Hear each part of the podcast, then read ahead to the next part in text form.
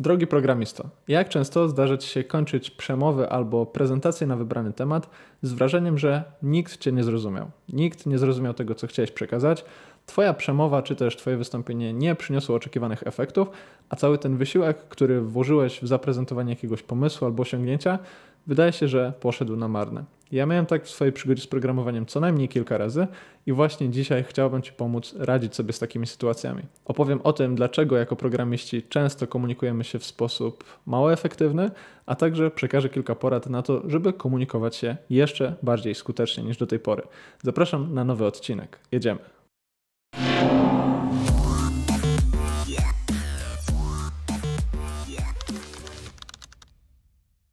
Żeby mówić o skutecznym mówieniu, bo de facto tego dotyczy dzisiejszy odcinek, to warto jest wprowadzić sobie w całej tej dyskusji pewnego rodzaju ograniczenia czy też ramy. Dlaczego? Ano dlatego, że mówienie samo w sobie to jest na tyle szeroka aktywność, że bardzo trudno byłoby mi tutaj przekazywać jakiekolwiek porady, gdybyśmy nie doprecyzowali, o jakim właściwie mówieniu mowa. No więc jako programiści wiecie na pewno, że mówimy na przykład w sytuacjach, kiedy uczestniczymy w daily, kiedy uczestniczymy w sesjach planowania, kiedy uczestniczymy w retrospektywach, kiedy rozmawiamy z klientem, kiedy rozmawiamy z przełożonym, kiedy rozmawiamy z naszymi kolegami. Każda z tych sytuacji jest nieco inna, w każdej z tych sytuacji biorą udział nieco inne osoby, a dzisiaj, żeby po prostu wprowadzić tutaj nieco więcej struktury, chciałbym wybrać jedną z tych sytuacji, która przyniesie Ci prawdopodobnie najbardziej oczekiwane rezultaty. O jakiej sytuacji tutaj mowa? Ano o sytuacji, w której podsumowujesz swoje osiągnięcia, kiedy opowiadasz innym o tym, co zrobiłeś, kiedy opowiadasz o tym, jakie problemy udało Ci się rozwiązać i w konsekwencji masz przedstawić siebie i swoją pracę jako coś, na czym cała organizacja zyskuje. No właśnie, jakie błędy tutaj popełniamy i co zrobić, żeby o osiągnięciach opowiadać nieco bardziej efektywnie. Jeśli zaczynamy opowiadać o jakimś osiągnięciu albo zaczynamy opowiadać o tym, co udało nam się wypracować, to takim punktem zero, takim sprintem zerowym jest próba podsumowania naszych osiągnięć w jednym zdaniu. Często, kiedy nasze osiągnięcia mieszają się w jedną całość, tak naprawdę tracimy skupienie i z całego naszego wystąpienia ulatuje istota sprawy.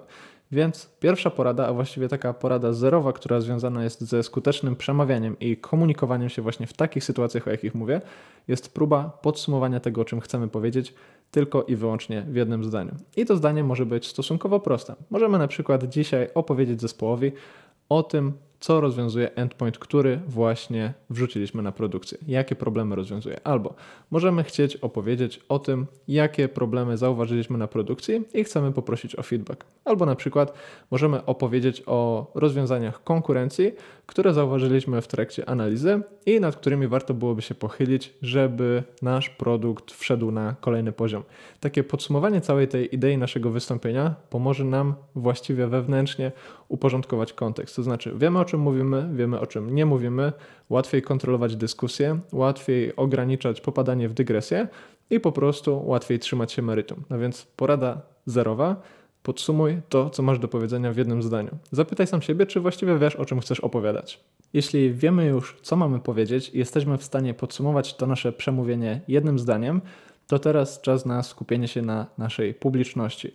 W kontekście skutecznego komunikowania się kluczowe, naprawdę kluczowe jest to, żeby formę przekazu dostosować do naszego odbiorcy. I mam wrażenie, że programistom czasami przychodzi to ciężko i kojarzy nam się to z pewnego rodzaju marketingowymi zagrywkami. Dlaczego ja powinienem mówić nieco inaczej do osób w zależności od ich stanowiska, w zależności od ich doświadczenia?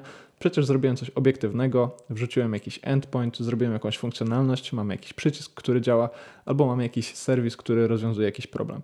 No ale jeśli zapomnimy na chwilę o tym kontekście zawodowym i przeniesiemy się na ścieżkę prywatną, to na pewno zgodzimy się, że inaczej rozmawiasz z panią w sklepie, inaczej rozmawiasz z urzędnikiem, inaczej rozmawiasz z losowo napotkanym na ulicy znajomym. W każdej z tych sytuacji zachowujemy się trochę inaczej, potrafimy dobrać słowa w taki sposób, żeby ta komunikacja była na jak najlepszym poziomie i nie ma się co dziwić, że na ścieżce profesjonalnej również ma to sens. O tyle, o ile nasza publiczność jest spójna, no to oczywiście problemu aż tak dużego nie ma. No bo na przykład, jeśli mówimy do samych programistów, to wiemy, że powinniśmy się trzymać języka technicznego, konkretów, pewnych odniesień, na przykład do edytora kodu, do serwisów, których używamy, do repozytoriów, do fragmentów logiki biznesowej.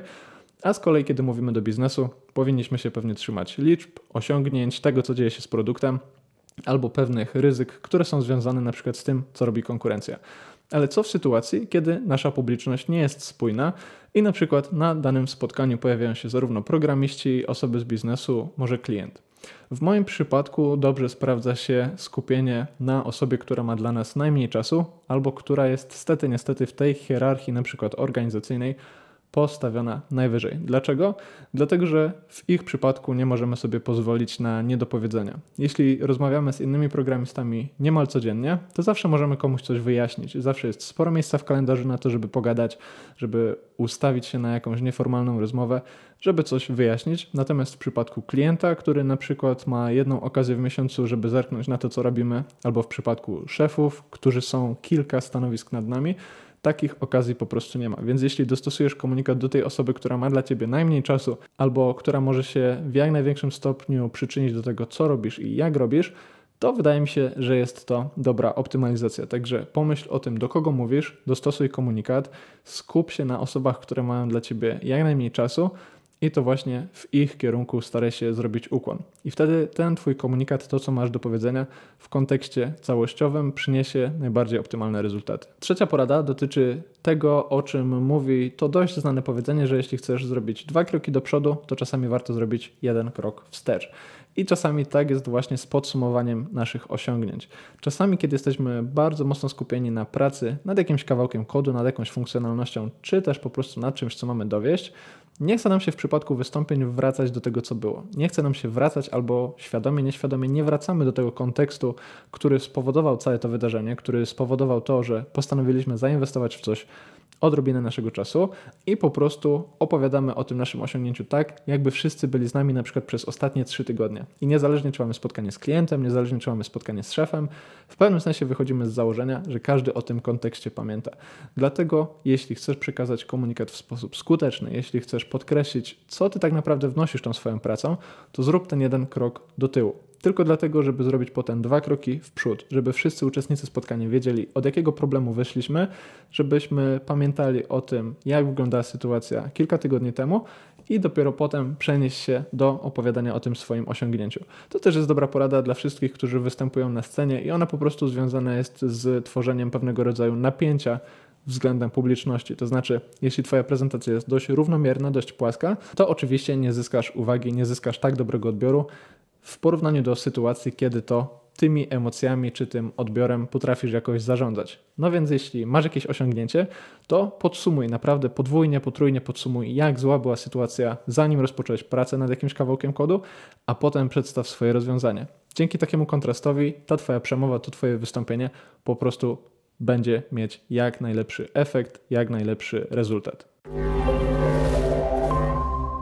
Czasami może się też zdarzyć sytuacja, w której to nasi odbiorcy zaczną się wyłączać. To znaczy, mówienie do kogoś jest ciekawe o tyle, o ile jesteśmy mistrzami przemawiania, jesteśmy na stand-upie albo potrafimy tą uwagą po prostu odpowiednio zarządzać.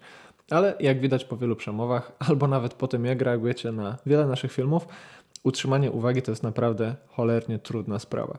Właśnie dlatego kolejną z takich porad, którą chciałbym się podzielić, jest to, żeby do tego komunikatu, który chcecie przekazać, często dodać jakąś podkładkę w innej formie. I co może być taką podkładką? Może to być na przykład udostępniany ekran, może to być na przykład udostępniany wykres, może to być jakaś dokumentacja, którą podzielicie się wcześniej.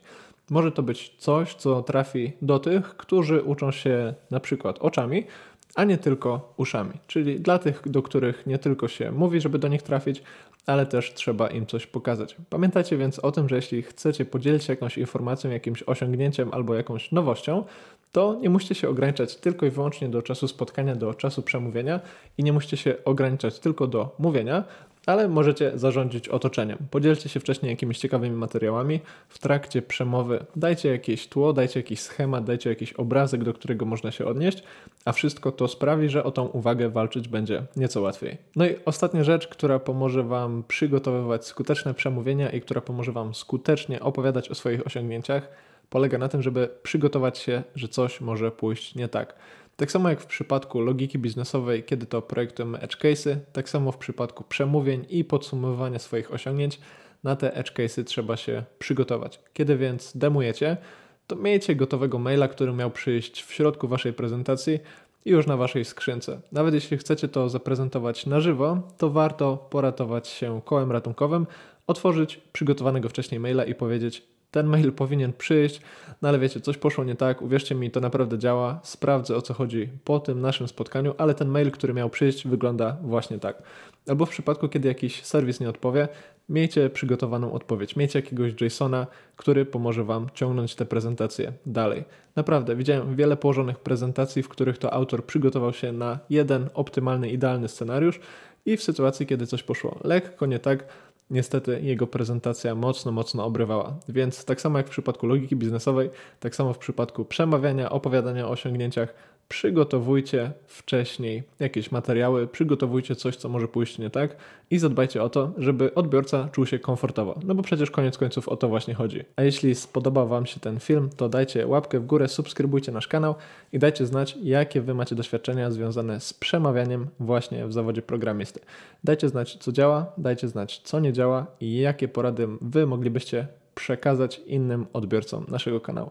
W moim przypadku dobrze sprawdza się podsumowanie tego, o czym mam do powiedzenia w jednym zdaniu.